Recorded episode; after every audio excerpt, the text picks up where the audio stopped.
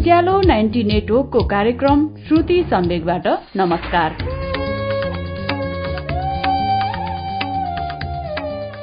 उज्यालो ninety नेटवर्कमा हरेक मंगलबार र शुक्रबार राति नौ बजेको नेपाल खबरपछि कार्यक्रम श्रुति सम्वेक प्रसारण हुन्छ। कार्यक्रम श्रुति सम्वेकमा हामी वरिष्ठ साहित्यकारहरूका उत्कृष्ट गद्यहरू वाचन गर्दछौं। श्रुति सम्वेकको शुक्रबारको श्रृंखलामा आजदेखि नयाँ उपन्यास लिएर आएका छौं। अबका केही शुक्रबारहरू हामी विश्वेश्वर प्रसाद कोइरालाको उपन्यास तीन घुम्तीको श्रृंखलाबद्ध वाचन गर्छौं। नारी पात्रको विविध पक्षीय चारित्रिक उद्घाटन विश्वेश्वर प्रसाद कोइरालाको उपन्यासमा पाइने विशेषता हो। यस्तै विशेषता बोकेको उपन्यास तीन घुम्तीको पहिलो श्रृंखला सुनौ अच्युत घिमिरेबाट।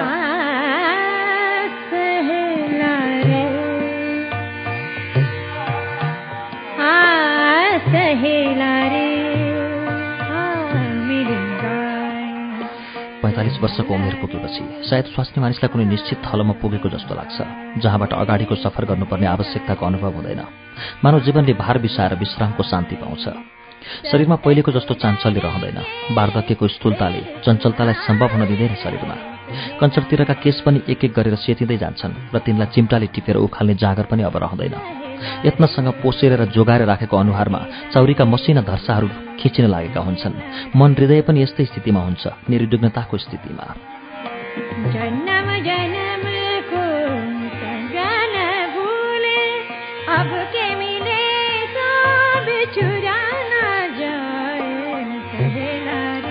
नारी हृदयको प्रेम र त्यस प्रेमले वरदान वा अभिशापको रूपमा दिएको अलौकिक सुख र त्यस्तै नारकीय अनुताप र ईर्ष्याको ज्वाला आशा निराशा सबै अनुभवको केवल एउटा स्मृति छाडेर विलुप्त हुन्छन्।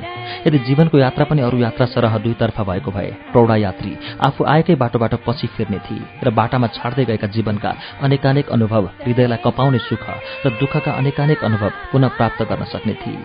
तर जीवनको बाटोमा निरन्तर अगाडि बढ्नु मात्र सम्भव छ। त्यसमा फेरि फर्किने कुनै उपाय रहँदैन।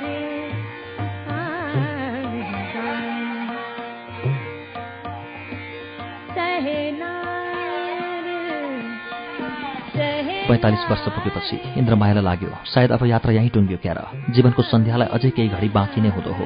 तर यात्रा भने यहीँ टुङ्गिन आयो। यो लामो सफरपट्टि ध्यान दिँदा अब उसलाई तीको अनुभव हुँदैन। केवल कोमल तर किञ्चित उदास स्मृतिले उसको हृदयलाई करुणामय बनाउँछ। लाग्छ जीवनको सञ्चित आर्जन सङ्गाली राख्ने उसको हृदय नारी भाग्यमानी भई भने सोतले भिजाएको पृथ्वी खण्ड जस्तो करुणाद्र हुन जान्छ।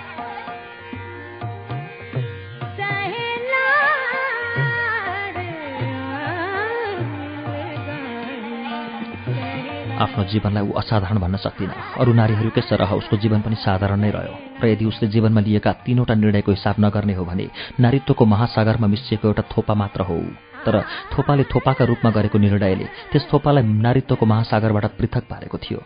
इन्द्रमायालाई लाग्यो महासागर थोपाहरूको समष्टि रूप मात्र हो।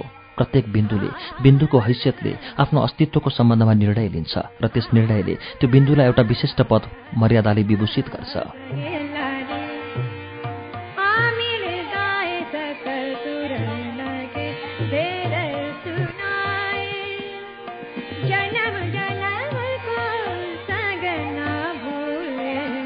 आजकल इन्द्रमाया अकारण तृतीय प्रहरको एकान्तमा घरकाजबाट निवृत्त भएकी नारी ओछ्यानमा पल्टेर मनमा यस्तै कुरा खेलाएर बसिरहन्छे। उसलाई लाग्छ यस्ता दार्शनिक खालका विचारहरू निश्चय नै छिप्पिएको उमेरका प्रमाण हुन्। अचेर किन हो कुन्नी? उसले आफ्नो जीवनमा लिएका तीनवटा निर्णयका सम्बन्धमा उसको ध्यान बार बार गइरहन्छ।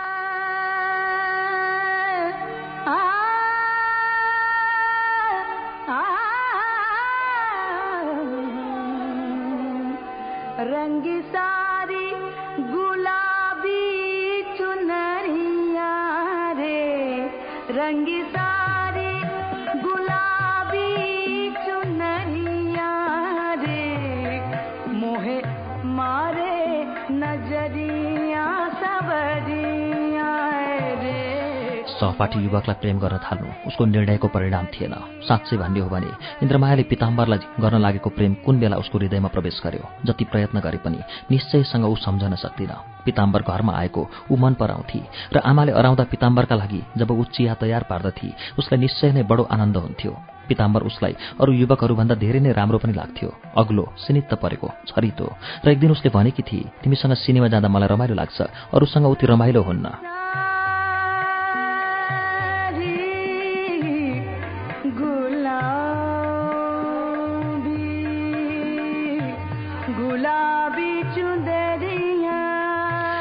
वचनले पिताम्बरलाई भएको खुसी बुझेर इन्द्रमाया पनि खुसी भएकी थिए यी सब कुराहरू क्रमिक विकासको लामो अवधिमा भएका हुन् जबकि दुवैको सम्बन्ध बडो स्वाभाविक रूपबाट दृढतर हुँदै गएको थियो। इन्द्रमायालाई प्रेमको यस्तो उद्भिज विकासको मन्द गतिले गर्दा स्वप्नमा पनि कल्पना थिएन कि पिताम्बरका सम्बन्धमा उसले आफ्नो जीवनमा यस्तो एउटा महान र प्रथम निर्णय पनि लिनुपर्नेछ जुन निर्णयले समुद्रको एउटा जलबिन्दुमा हठात एउटा विशिष्ट व्यक्तित्व आरोपित हुन जानेछ। घरमा जब उसको बिहाको कुरा चल्न लाग्यो अनि पो ऊ भ्युजेकी जस्ती भई उसले आमालाई भने पिताम्बर छँदैछ नि अर्थात् पिताम्बरसँग मेरो विवाह भए भइहाल्यो नि।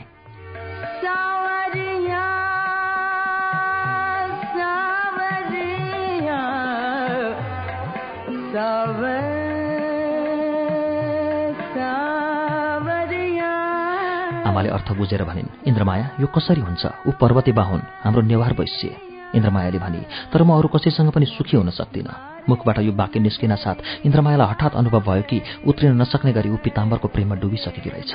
आमा बाबुहरूले जतिको बाधा देखाएको उसलाई अत्यन्त प्रासङ्गिक लाग्यो। उसलाई लाग्यो आमा बाबुको संसार जसमा अहिलेसम्म ऊ सास फेरिरहेकी थिए त्यो त एउटा बिरानो मुलुक पो रहेछ। पिताम्बरको प्रेममा आमस्तक चुर्लुममा डुबेकी इन्द्रमायालाई समाजका नियम र विधानहरूको बाधा त्यस्ता तृण थिए जसलाई उसका आमा बाबुहरू उसलाई उबार्ने उद्देश्यले नदीको तटबाट अगाध जलराशिमा फालिरहन्थे।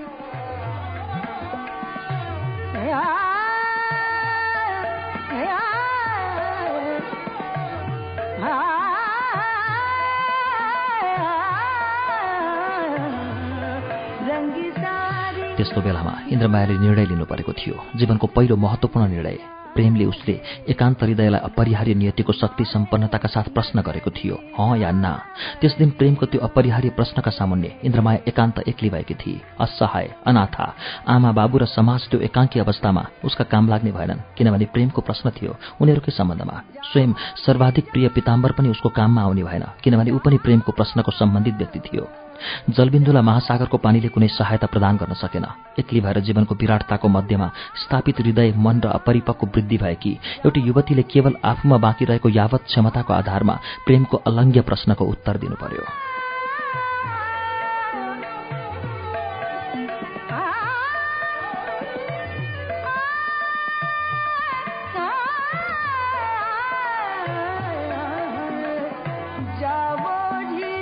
आजकी भुक्तभोगी शान्त इन्द्रमायालाई सोह्र वर्षीय इन्द्रमायाको सम्झना हुन लाग्यो। परिपक्वताको करुणामय कुहिरोबाट उसले युवतीको त्यस दिनको उद्विग्नतालाई टाढाबाट देखिने कुनै दृश्य जस्तो हेर्न लागि।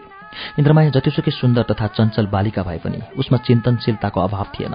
उसका अगाडि उभिएको प्रश्न थियो एकातिर बाबुआमा र त्यो समाज जसकी एउटी समस्या भएर ऊ यति ठुली भई र जुन समाजको भूमिमा उसका सारा सम्बन्धहरूका जरा फैलिएका थिए र अर्कोतिर एउटा छुट्टो व्यक्ति पिताम्बर समाजभन्दा बाहिरको प्राणी पिताम्बर असम्पन्न व्यक्ति थियो तर असम्पन्नताको बाधापट्टि इन्द्रमायाको ध्यान पटक्क गएको थिएन। उसलाई रोज्ने वा नरोज्ने प्रश्नमा उसको पक्षमा केवल त्यही एउटा अकिञ्चन व्यक्ति मात्र थियो। अर्कोतिर चाहिँ दलबल सहितको वृहत समाज कसलाई रोज्ने इन्द्रमायाले? एक्लो कृष्णलाई कि अक्षौडी सेनालाई?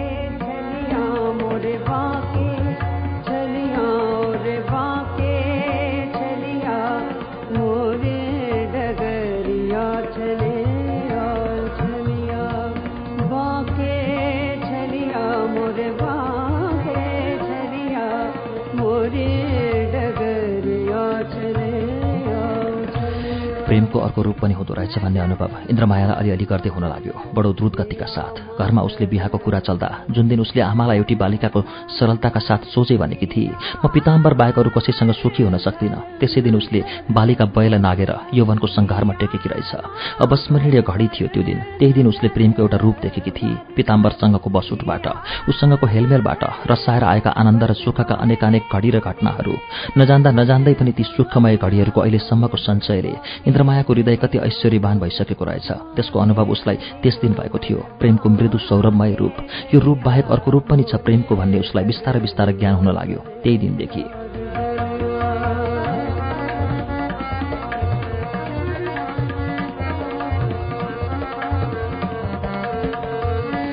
आमासँग भएको त्यो हलुका किसिमको उत्तर प्रत्युत्तरपछि इन्द्रमाया जुरुक उठेर आफ्नो कोठामा गई र आफ्नो जिउलाई ओछ्यानमा फालिदिए शरीर क्लान्त भए जस्तो लाग्यो र हृदय एक्लो। साथी सहेलीहरू सधैँको जस्तो उसलाई खोज्दै उसको घरमा पुगे र भने के हो इन्द्रमाया? किन दिउँसै ओछ्यानमा यसरी सुतिराख्या जाउँ मेटिने सो हेर्न। झुम्का बडो राम्रो फिल्म छ इन्द्रमायाले आलस्यको स्वरमा पल्टेको पल्टे भनी म जान्न उसलाई एक्लै बसेर सोचिरहने मन थियो। पहिले भने यसरी एक्लै बस्ने उसको कहिले बानी थिएन। आज साथीहरूले रमाइलो गरौँ भनेर निम्ता दिँदा पनि ऊ ओछ्यानबाट उठ्न खोजिन। साथीहरूले धेरै आग्रह गर्दा एकपल्ट त ऊ झर्की पनि साथीहरूले सोधे के भयो इन्द्रमाया? सन्चो छैन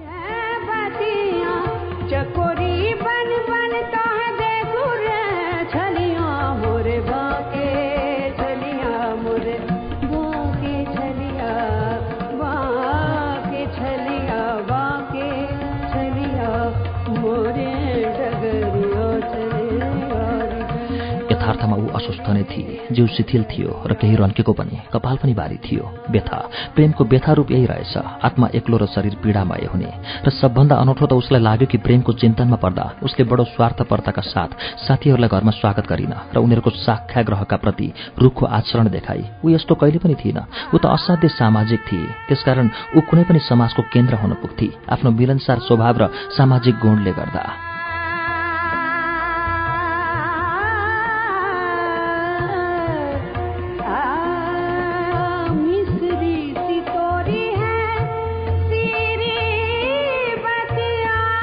आज प्रेमले उसको यो आवरण पनि मिल्काइदियो। प्रेमको स्वार्थपर्ताको अग्निमा दीप्त भएकी नारीले यौवनको व्यथामय अनुभवको पहिलो स्वाद पाई। प्रेम स्वार्थपर्ता हो यो एउटा एक्लोपन हो व्यथा हो तर साथै दुर्दमनीयता पनि हो भन्ने ज्ञान इन्द्रमायालाई त्यस बेला भयो जब उसले साथीहरूबाट घरबाट निराधरका साथ फर्काइदिएर आफ्नो उत्तम शरीरलाई उल्टाइ पल्टाइरहे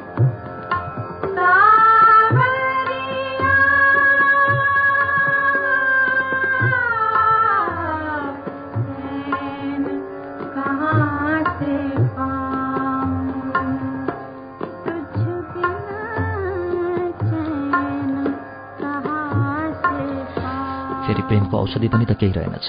दिन प्रतिदिन एकनाशको पीडा मर्मको कुन्ने कुन स्थलमा निरन्तरको चोट मुक्त हुन नसक्ने सदाको तल्लीनता इन्द्रमाया एकोहोरी हुँदै गई। कलेज जान बन्द भयो। आमा बाबुको आयोजना अनुसार र स्वयं पनि आफ्नो अनिच्छाले गर्दा सिनेमा पिकनिक र बाहिरका सबै रमिता र आकर्षणबाट उपन्छी आमाबाबुहरूले प्राप्त अधिकारको प्रयोग गर्दै यौवना कन्याको हटलाई सामाजिक नियम र मर्यादाको बसमा राख्ने उद्देश्यले बाहिरको संसारमा जाने उसको बाटो थुनिदिए। यो व्यवस्था अनावश्यक थियो किनभने इन्द्रमाया आफूमै लिन भएर कछुवाले आफ्नो शिर र अरू अवयवहरूलाई आफूभित्रै समेटे जस्तो बस्न लागि। बाहिरको जगत निष्प्रयोजनीय थियो उसको लागि। घरका मातापिताले उसको नियन्त्रणका लागि जुन व्यवस्थाको प्राचीर उसका चारैतिर खडा गरेका थिए त्योभन्दा सुदृढ अग्लो पर्खाल इन्द्रमायाले स्वयं आफै निर्मित गरेकी थिए आफूलाई थुन्नका निम्ति। आमाको मातृहृदय बेचैन हुन्थ्यो इन्द्रमायाको यत्रो ढिपी देखेर उनीहरूको उद्देश्य इन्द्रमायालाई सुधार्ने थियो दण्ड दिने होइन।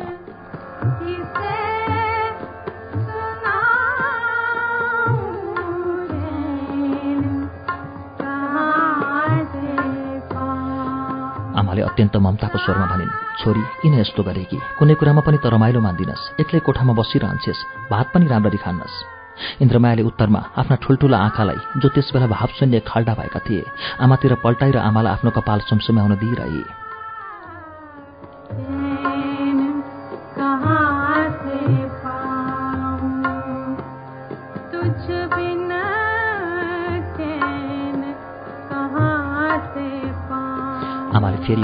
एउटा अर्को पनि कुरा छ। तिमीले बुझ्नुपर्ने हामी हौ राजाका मानिस र समाजमा हाम्रो इज्जत दरबारसँगको हाम्रो पुरानो सम्बन्धले भएको हो। पिताम्बर पार्टीको मानिस जसलाई दरबार फुटेको आँखाले पनि हेर्न सक्दैन तिम्रै सुखको निम्ति पनि। उसका प्रति दरबारको त्यस्तो कुभावना छ भने तिम्रै सुखका लागि पनि मैले भन्नुपर्छ कति दिनसम्म ऊ बाँची बाँची हिँड्ला र? इन्द्रमायाले कोमल स्वरमा उत्तर दिए कि त्यसो भए झन् मेरो स्थान पिताम्बरको छेउमा नै हुनुपर्ने होइन र? कुनै छक्का पन्जा नजान्ने। र अहिले त छोरीका प्रति उत्पन्न ममताले झन् सोझी भएकी आमाले इन्द्रमायाको तात्पर्ययुक्त वाक्य बुझिनन्। केवल यति मात्र बुझिन् कि छोरीको ढिपी उस्ताको उस्तै छ। एउटा लामो उच्छ्वासलाई दैवका प्रति चढाएर हातले घुँडा टेक्दै उनले आफ्नो शिथिल शरीर उठाइन् र विफल कामनाको ज्योतिहीन दृष्टि छोरी उपर फालेर उनी कोठाबाट बाहिर गइन्।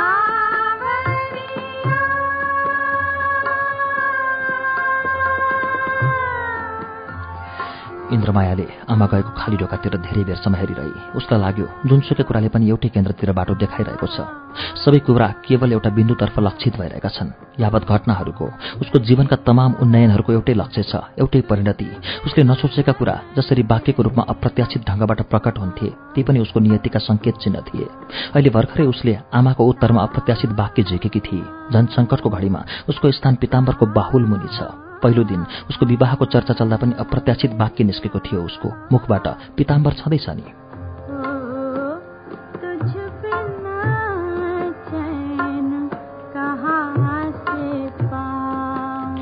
अन्तकरणको गोपनमा रक्षित भएर हुर्कदै आएको प्रेम त्यस दिन हठात दिनको सुस्पष्ट आलोकमा प्रकट भएको थियो। बोतलको काग त्यो वाक्यले उघारेको थियो र त्यसै दिन दुर्दमनीय दैत्य विश्वमा प्रकट भएको थियो। त्यही दिनदेखि इन्द्रमाया अहोरात र त्यसैको दानवीय शक्तिको मुठीमा परेर आकुल व्याकुल रहन लागि र आज पनि त्यस्तै एउटा सानो वाक्य उसको मुखबाट फुत्त निस्क्यो कि पिताम्बर वास्तवमा सङ्कटमा छ भने इन्द्रमायाको लागि अब त झन् त्यस्तो कुनै छेको छैन जो दुर्लङ्घनीय होस्।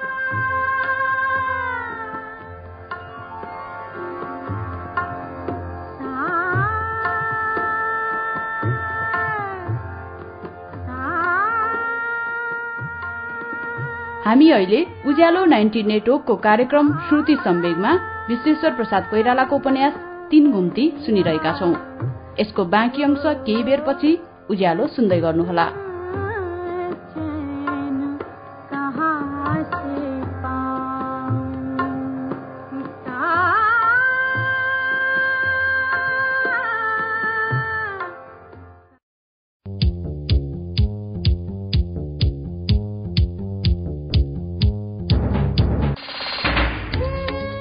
श्रुति सम्वेक तपाईँ अहिले उज्यालो नाइन्टी नेटवर्क काठमाडौँ सँगसँगै इलाम एफएम झापाको एफएम मेची ट्युन्स महोत्तरीको रेडियो दर्पण हेटौडा एफएम चितवनको रेडियो त्रिवेणी र रेडियो चितवन तनहुको माझेसेती एफएम र पोखराको रेडियो तरंगबाट सुनिरहनु भएको छ। यस्तै दाङको रेडियो मध्यपश्चिम रेडियो प्युठान सल्यानको रेडियो राप्ती सुर्खेतको रेडियो भेरी र जुम्लाको रेडियो कर्णालीबाट पनि कार्यक्रम श्रुति सम्वेक प्रसारण भइरहेको छ। अब विश्वेश्वर प्रसाद कोइरालाको उपन्यास तीन घुम्तीको बाँकी अंश।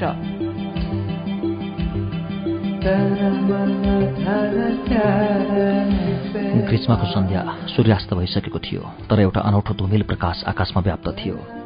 टुडीखेलको छेउछाउका रुखहरू दिनभरिको हुरीमा आफ्ना धेरै पात भुइँमा झारेर अहिले सन्ध्याको विश्राम पाइरहेका थिए। सुकेका पात हावाले बढारिएर सड़क छेउका नालीमा पंक्तिबद्ध भई थुप्रेका थिए। वायुमा तुवालो भरिएको थियो। सन्ध्याको आवाले प्रकृतिलाई एउटा विचित्र अवास्तविकताको चहकिलो पहिरन लगाइदिएको हुँदा घर रुखपात शालिग र सड़कमा हिँड्ने र टोडीखेलमा हावा खान आएका नरनारीहरूको समुदायलाई स्वाभाविक रूप थिएन।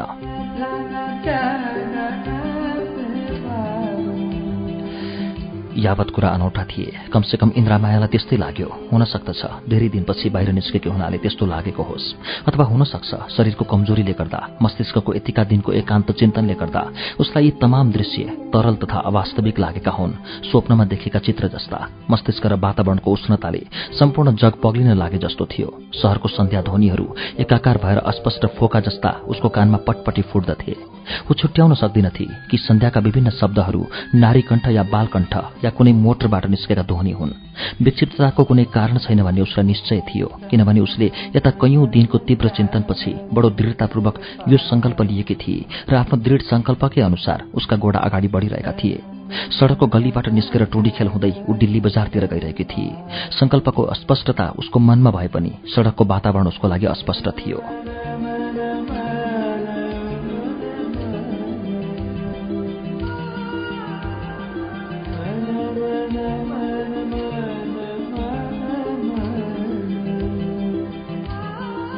इन्द्रमायालाई निश्चय थियो ऊ मतिभ्रम भएकी छैन केवल उसको मति बाह्य जगतभन्दा स्पष्टतर थियो। वास्तविकताका उप मानव एउटा झिल्लीको पातलो पर्दा परेको थियो। तर स्वप्न जगतमा भने टड्कारो प्रकाश किरण उसको अन्तस्थलका र उसको विचार कल्पनाको लोकका प्रत्येक वस्तुलाई स्पष्ट पारेर टल्काइरहेको थियो। अहिले जुन अवस्थामा ऊ चाँचाडो पगले हिँडिरहेकी थिए त्यसमा त्यो संसार जसलाई उसले आजसम्म चिनेकी थिए मासिँदै थियो। आमा बाबु सखी शैली इष्टमित्र नातागोता यहाँसम्म कि अहिले दृष्टिपथमा परिरहेको वस्तु जगत सबै अस्पष्टतर हुँदै धुमिल प्रदेशमा बिलाइरहेका थिए।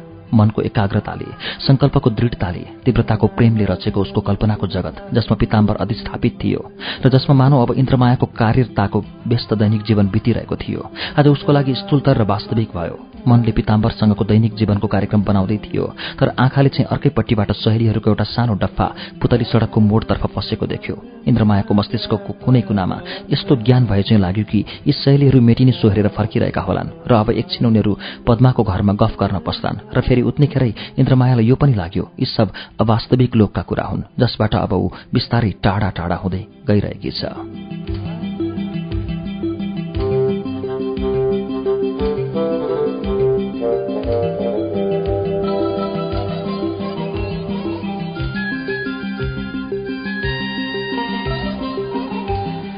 स्वप्न र यथार्थको यो पारस्परिक आदान प्रदानको स्थितिमा त्यत्रो लामो बाटो काटेर दिन शेषको अन्तिम प्रकाशमा उसले कालीधानको त्यो सानो पर्खालको बीचमा बनेको फाटकको बन्द ढोकालाई हलुको हातले धकेलेर उघारी पिताम्बर भित्रबारीमा उभिरहेको थियो। ढोका उग्रेको शब्द सुनेर उसले फर्केर हेऱ्यो। इन्द्रमायाको चालढाल र वेशभूषा देखेर ऊ एक स्तब्ध भयो। इन्द्रमायाको दृष्टि उसमाथि पर्नासाथ स्वप्न र यथार्थको द्वन्द उसको मस्तिष्कबाट एकदमै बिलाएर गयो। मानौ दुवैको स्वप्नको र यथार्थको ज्योति केन्द्र पिताम्बरमा फोकस भएर एकाकार भयो। पिताम्बरले हत्तपत्त अघि सरेर एक हातले ढोका थुन्दै अर्कोले इन्द्रमायालाई सहारा दिन पुग्यो। इन्द्रमायाको थाकेको शरीरले ठूलो आड पायो। उसले आफ्नो क्लान्त शिरलाई पिताम्बरको छातीमा अडाइदिए।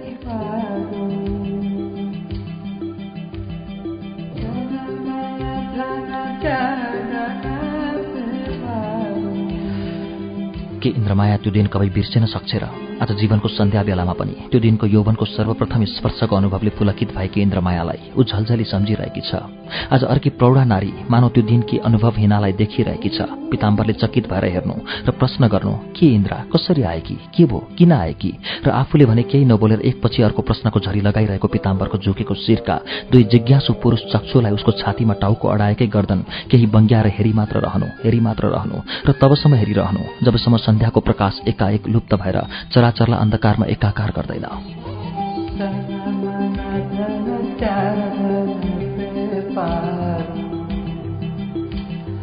र पिताम्बरले भन्नु अँध्यारो भयो हिँडभित्र र सबै कुरा खुलस्त बताऊ र सहारा दिँदै आफूलाई बारीबाट घरभित्र लैजानु र आफूले घरको सङ्घारमा गोडा राख्ने बित्तिकै एक क्षण रोकेर भन्नु पिता मैले भन्ने कुरा केही छैन कैफियत के दिने र? त्यसरी अनौठो किसिमबाट उसको स्वयम्वर भएको थियो। त्यस्तो स्वयम्वर जसले गर्दा उसले आफ्नो जीवनका अरू तमाम सम्बन्धलाई चुडालेर फ्याँक्नु परेको थियो। रात्रि भयो सुहागरात उसले काटी। भोलिपल्टदेखि सनै सनै ऊ गृहिणीको रूपमा अवतीर्ण हुँदै गई।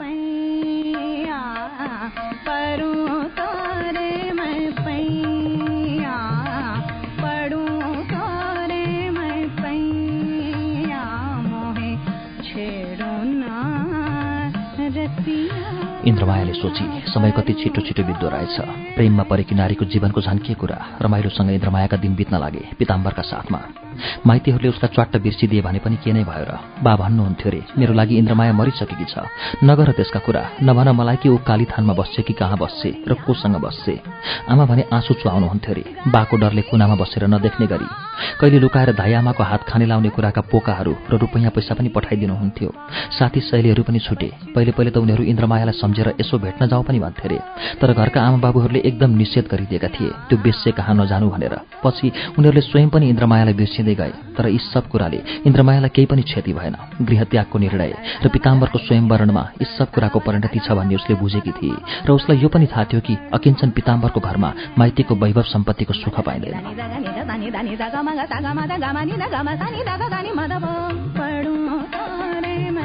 इन्द्रमायाको लागि पिताम्बरसँगको उसको दुनियाँ आफ्नो निजी दुनियाँ थियो। यो दुनियाँ झन् भरि भराउ झन् व्यस्त झन् रङमय झन् रमाइलो। पिताम्बरका राजनीतिक साथीहरूको दल बीच बीचमा उस कहाँ भेला हुन्थ्यो खुब छलफल हुन्थ्यो। इन्द्रमाया उनीहरू जत्तिकै पढेकी थिए र राजनीतिलाई उनीहरूले जत्तिकै बुझेकी पनि। उनीहरूको छलफलमा ऊ निसङ्कोच भाग लिन्थे तर ऊ आफूलाई उनीहरूका बीच प्राय अल्पमतमा पाउँथे किनभने उनीहरू आतंकवादी विचारका युवक थिए र इन्द्रमायालाई भने आतंकवाद र हत्या राजनीतिको हितकर साधन होइन भन्ने विश्वास थियो। तर जे होस् हाहा र हिही बहसको गर्मी साथीहरू भेला भएको बखत उनीहरूको आदर सत्कार चियापानीको व्यवस्था र दैनिक गृहस्थीको यावत जिम्मेवारीको तोडतोडमा इन्द्रमाया अत्यन्त व्यस्त रहन्थे। साथीहरूका उप ऊ असाध्य ध्यान दिन्थे रमेश भो अब यस्तो धपेडी पनि गर्ने हो आज यहीँ बस्छ आराम गर। रमेश इन्द्रमायाको हातबाट चियाको विलास भन्थ्यो हामीहरूलाई फुर्सद नै कहाँ छ र भाउजूको मायालु आज्ञा पालन गर्न पाउने।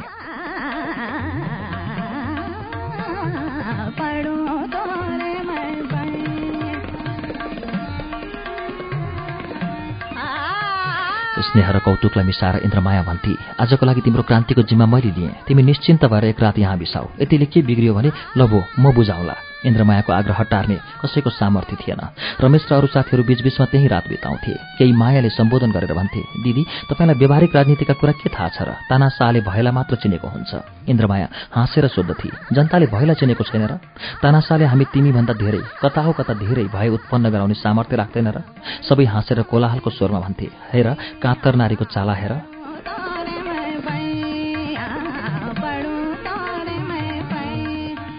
त्यो जगतमा ऊ मात्रै एउटी नारी थिए। त्यसो हुनाले पुरुषको दाँजोमा आफूलाई अध्ययन गर्ने पूरा अवसर उसले पाएकी थिए। एक त साधारण तह नारीमाथि परिआउने गृहस्थीको पूरा जिम्मेदारी उसले एक्लै बिहोर्नु परेको थियो।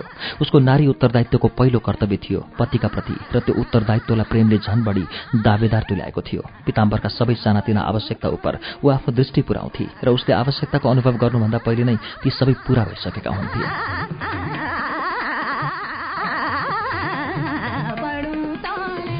उसको खानपिनको लुगाफाटाको र अन्य सब प्रकारका सुविधाको इन्द्रमाया सतर्कतापूर्वक विचार गर्दथे। पिताम्बरका इष्टमित्र र विशेष गरी राजनीतिक सहयोगीहरूका प्रति उसको विशेष उत्तरदायित्व थियो। त्यति मात्र होइन पिताम्बरको राजनीतिक जीवनमा सहयोगी बन्ने जिम्मेदारी पनि उसका उप परेको थियो। यी सबै जिम्मेदारीलाई पूरा गर्ने प्रक्रियामा उसलाई नारीत्वको पार्थक्यको सूक्ष्म अनुभव हुन लाग्यो।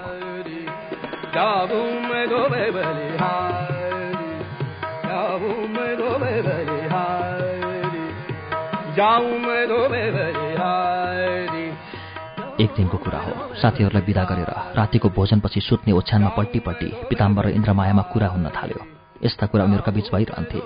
पिताम्बरले भन्यो त्यो दिन तिमी कत्रो हिम्मतका साथ आए कि?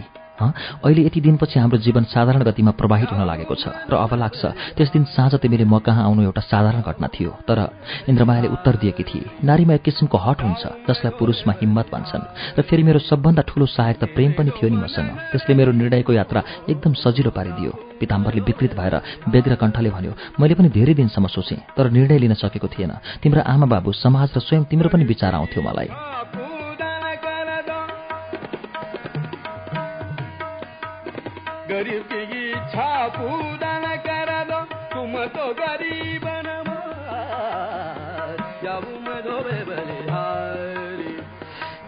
सलज्ज कण्ठध्वनिलाई लक्ष्य गरेर आश्वासनको स्वरमा इन्द्रमायाले भनेकी थिए पिता पुरुषले धेरै कुराको विचार राख्नुपर्छ। हेर न तिमीले मेरो सम्मको पनि विचार गर्नु परेकोले निर्णय लिन हिचकिचाउनु पर्यो। यद्यपि मेरा सम्बन्धमा त्यस्तो हिचकिचाइरहनु पर्ने कुनै आवश्यकता थिएन किनभने कुनै क्षण पनि तिमीले मलाई सोधेको भए मेरो स्वीकृति वा अस्वीकृति तक्षण नै पाइहाल्ने थियो। केही आर्द्र भएर पिताम्बरको शरीरसँग टाँसिँदै उसको छातीलाई सुमसुम्याउँदै इन्द्रमाया भन्दै गई हामी नारी हामीमा एकहोरो प्रवृत्ति हुन्छ। एकहोरो हट। त्यसो हुनाले मलाई हँ या नको निर्णय लिन धेरै समय चाहिएन।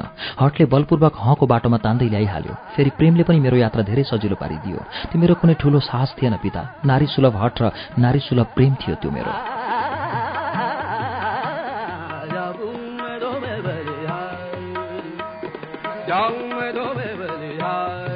यस्तै कुरा भए रात उनीहरूमा यस्ता कुरा बराबर भइरहन्थे। यस्ता अवसरमा इन्द्रमाया पिताम्बरको सङ्कोचलाई बुझ्दथे र करुणाद्र भएर पुरुष हृदयको अभिमानलाई सान्त्वना दिन्थे।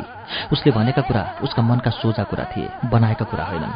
ऊ एकान्तमा बसेर प्रेमको भावनालाई केलाएर हेर्न खोज्थे र उसलाई लाग्थ्यो पुरुषभन्दा नारीलाई प्रेमको व्रत खाँचो छ किनभने उसले आफ्नो हृदयको अदुर्लभ्य अभियाचनालाई बुझेकी थिए। उसलाई प्रेमको यो सम्बन्ध स्थापित गर्न पुरुष भएर पिताम्बरले प्रथम कदम चाल्ने सट्टा आफ्नो नारी भएर नै चालेकोमा पनि लज्जा भावनाको अनुभव हुँदैन थियो। प्रेममा पहिलो पाइलो नारीले त चाल्नुपर्छ नि। र जीवन पर्यन्त यो प्रथम चालले स्थापित गरेको सम्बन्धमा नारीले नै अगुवा भइरहनुपर्छ प्रकृति हो यो। यस्तै छ नारी स्वभाव।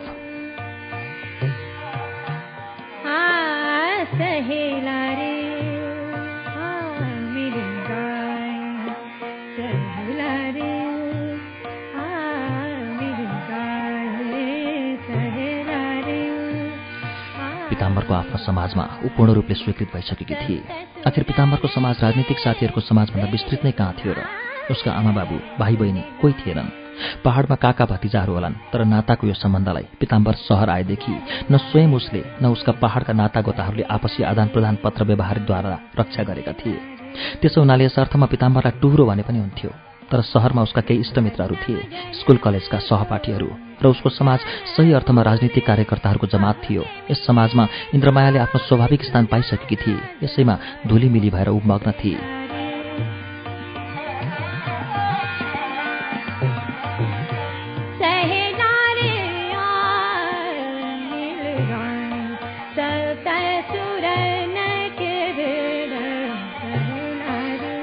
सहकर्मीहरूले पनि उसलाई विभिन्न नाता सम्बन्धहरूको सूत्रमा बाँधेका थिए।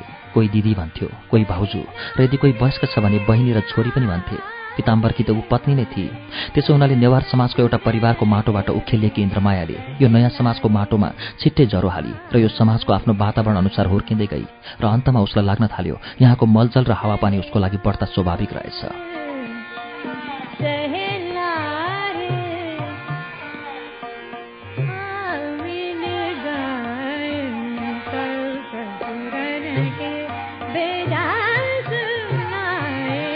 साथीहरूलाई पनि इन्द्रमायाको हृदयले उनीहरूका उमेर आचरण र स्वयं आफ्नै हृदयको आग्रहले विभिन्न सामाजिक सम्बन्धका संज्ञा दिँदै आफ्नो नजिकै पारेकी थिए। ऊ कसैलाई भाइ भन्थे र जसलाई भाइ भन्थे त्यो उसको हृदयले अनुभव गरेको भावनाको रूप थियो।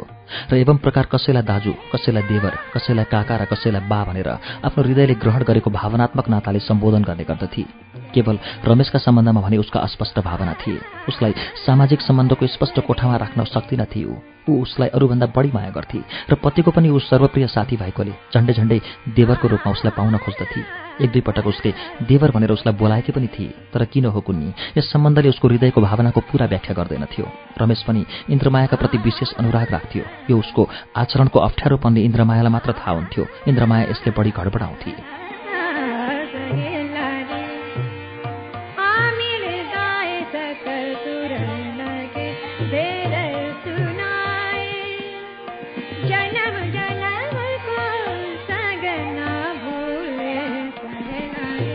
उसलाई लाग्थ्यो। सामाजिक सम्बन्धका अनेक कोष्ठमा नबस्न खोज्ने भावना सायद वाञ्छनीय होइन। योभन्दा विशेष दोषबोध इन्द्रमायालाई थिएन। रमेश आउँदा उसलाई रमाइलो लाग्थ्यो र उसको आग्रहमा नागा गरेर नगरेर जहिले पनि ऊ त्यही रात बिताउँथ्यो। यसमा कुनै किसिमको अस्वाभाविकता थिएन किनभने ऊ पिताम्बरको पनि सबभन्दा प्रिय साथी थियो। इन्द्रमायाले एकपल्ट कोल्टी फेरि र एउटा हलुको निश्वास उसको मुखबाट निस्कियो। प्रेमको लामो अनुभवमा जसमा कमसेकम आफ्नो तर्फबाट चरम आत्मोत्सर्ग पनि निहित छ। उसलाई लाग्यो स्त्री पुरुषको सम्बन्ध जतिसुकै प्रेमको प्रगाढताले नै किन नबादिएको होस्। आफ्नो आफ्नो विभिन्न स्वभाव र आवश्यकताले गर्दा निरन्तर तनावको स्थितिमा रहन्छ तन्किएको कसिएको स्थितिमा।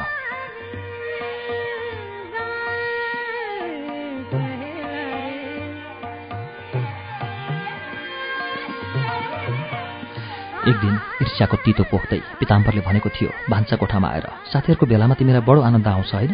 पिताम्बरको स्वरको किञ्चित अस्वाभाविकताले इन्द्रमायाको हृदयलाई छ्वास छोयो तर सरलताका साथ उसले उत्तर दिएकी थिए मेरो समाज नै यही हो यही समाजमा म रमेकी छु। पिताम्बरले आफ्नो विषाक्त भावनालाई झन् स्पष्टता पार्दै भन्यो किन नरम्नु त? यत्रो पुरुषको समाजमा तिमी मात्रै त एउटी नारी छौ। त्यसैले तिम्रो मूल्य तिमीलाई लाग्दो हो धेरै बढ्न गएको छ कसो साथीहरूलाई चिया बनाउँदा बनाउँदै इन्द्रमाया थामिए र पिताम्बरको विकृत मुख हेर्न लागि अनि एकछिनपछि उसले भनेकी थिए छिछि के भनेको पिता? के ती मेरा दाजुभाइहरू होइनन् र?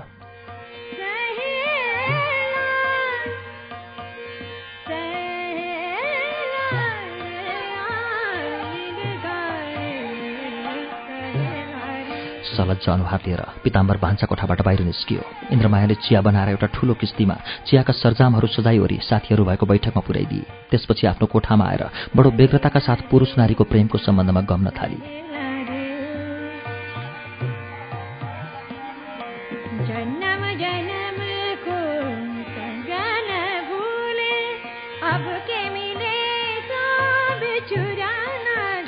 पिताम्बरको आजको यस्तो व्यवहार उसलाई पटक्कै मन परेन। पहिले पनि एक दुई पटक साथीहरूसँगको उसको हेलमेललाई लक्ष्य गरेर पिताम्बरले एकदम ठट्टाको स्वरमा भनेको थियो। इन्द्राको गोडा आजकल भुइँमा छैन। दिदी बहिनी भाउजू आदि पुरुष कण्ठे सम्बोधनले उसलाई पखेटा हालिदिएको छ। इन्द्रमायाले पनि हाँसेर ठट्टा गरेकी थिए। त्यसमा झन् अर्को एउटा बलिष्ठ पुरुष कण्ठ पनि थपिएको छ। जो भन्छ इन्द्रा मेरी प्यारी र त्यो सम्बन्धले सबभन्दा माथिको आकाशमा पुग्ने पखेटा उसले पाएकी छ।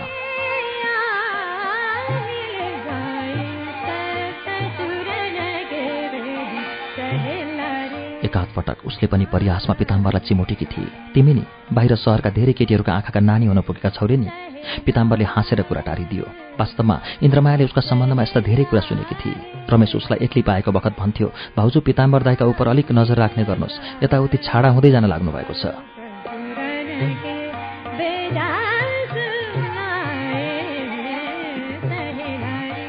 पिताम्बरका बाहिरका महिला मित्रहरूको कुरा नबिराएर रमेश चलाउने गर्थ्यो। इन्द्रमायालाई यो सब कुरा थाहा थियो। कुन नारीलाई आफ्नो पुरुषको यस्तो आचरण अज्ञात रहन्छ र? तर ईर्ष्याको भावना भने उसमा पटक्कै जागेन। केवल लाग्थ्यो उसको प्रेरणा आत्मसमर्पणको अझै माग रहेछ। उसले अझै दिन पुगेको रहेनछ। त्यही निरन्तरको दिइरहने प्रक्रियामा आत्मसमर्पण गर्दा गर्दै उसको हृदयमा ईर्ष्याले स्थान पाउन सकेको थिएन। तर आज पिताम्बरले त्यसरी घोचेर भनेकोले इन्द्रमाया बडो बेग्र भई र हतारिँदै बैठकमा चिया पुऱ्याएर आफ्नो कोठामा आएर घोरिन थाली। निश्चय नै पिताम्बर ईर्ष्याले उत्पीडित रहेछ। के पुरुष हृदयले ईर्ष्याले तितो पिरो चर्तमा मात्र प्रेमको स्वाद पाउने गर्छ? ईर्ष्याको कुनै कारण नभए पनि के उसले कल्पनाको सन्देहलाई उमारी मारिकन पीडित हुनुपर्दो रहेछ त प्रेमको स्वाद पाउन? कठै पुरुष हृदय। वञ्चितताबाट कति आक्रान्त? किन आक्रान्त भने नारी जस्तो आत्मसमर्पणबाट उसले परिपूर्णताको आर्जन गर्नै सक्दैन।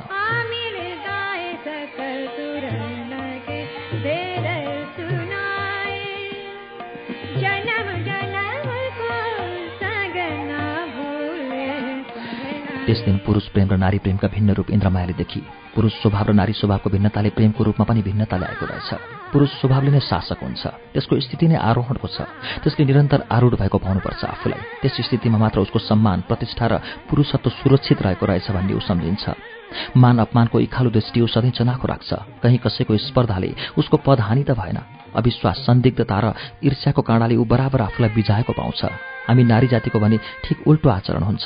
हामीले त समर्पण गर्न मात्र जानेका छौँ केवल तल पर्न। हामीहरूको स्वाभाविक स्थितिले प्रकृति तह आरोहको याचना गर्छ। त्यसो हुँदा हाम्रो प्रेममा दम्ब नै कहाँ छ र?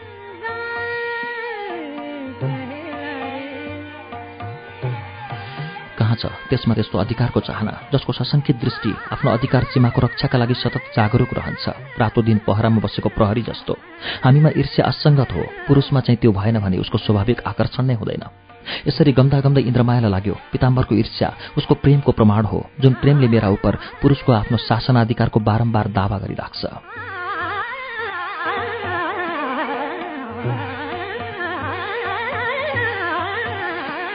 इन्द्रमायालाई एकछिन आन्तरिक सन्तोष भयो कि पिताम्बरको ईर्ष्याको क्रुद्ध फणी यस प्रकारले फुङ्कार्दै उठेको हो कि उसको प्रेमको अधिकार अक्षुण्ण रहिरहनुपर्छ र अकुण्ठित पनि। उसले आफ्नो प्रेमको सिद्धि पनि यस कुरामा पाए कि उसको प्रेम उत्सर्गमय भएको ईर्ष्या शून्य छ यदि पिताम्बरको बहुनारी प्रयोजनले उसको हृदयमा प्रतिहिंसा जाग्दैन भने त्यही त हो नि नारीको आफ्नो स्वभाव स्वधर्म। तर एउटा मसिनो कुराले मात्र इन्द्रमायाको पति पत्नीको पूर्णाङ्ग सुन्दरतामा सानो खोट रचिरहेको थियो। त्यो मसिनो कुरा थियो। उसको हृदयमा मधुरो आवाजमा सुनिरहने रमेशको आग्रह बाढी म कहाँ सुनि सम्बन्धको कुन स्तरमा? उसको हृदयले रमेशलाई कुनै निश्चित सम्बन्धको सूत्रमा उन्न नसक्दा उसलाई आफ्नो हृदयभित्र स्वेच्छाले आउने जाने छुट दिएकोले यदि पतिमा ईर्ष्याको भाव जागृत गराएको हो भने त्यो सीमासम्म यो कुराले उसको आत्मसमर्पणमा पनि बाधा ल्याउन सक्छ। भन्छन् खोट लागेको बलिलाई देवीले ग्रहण गर्दिनन् त के? किन्चित नै भए पनि भावनाको नदेखिने सुदूर सीमामा कतैबाट सानो प्रथम आक्रमण भएको बुझ्दा बुझ्दै किन्चित नै भए पनि खोट लागेको समर्पण पूर्ण हुन्छ र कि त्यसको सिद्धिमा सबै पूर्णता आउन सक्ला र?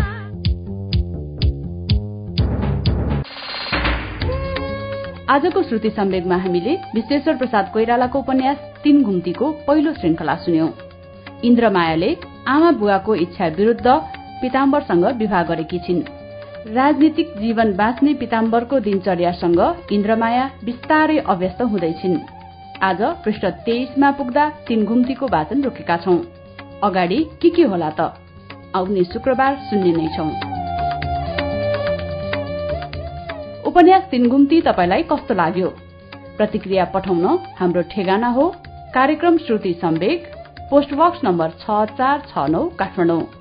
यदि तपाईँ इमेलबाट आफ्नो प्रतिक्रिया दिन चाहनुहुन्छ भने हाम्रो ठेगाना हो SHRUTI at UNN dot com dot NP हवस् त मंगलबार भिक्टर ह्युगोको फ्रान्सेली उपन्यास नाट्री ड्यामको कुम्बे लिएर आउनेछौ। त्यस बेलासम्मका लागि प्राविधिक साथी दिनेश निरौला र सशिन्द्र गौतमसँगै अच्युत घिमिरे र म मण्टेश्वरी राजभण्डारी पनि विदा पाऊ। शुभरात्री।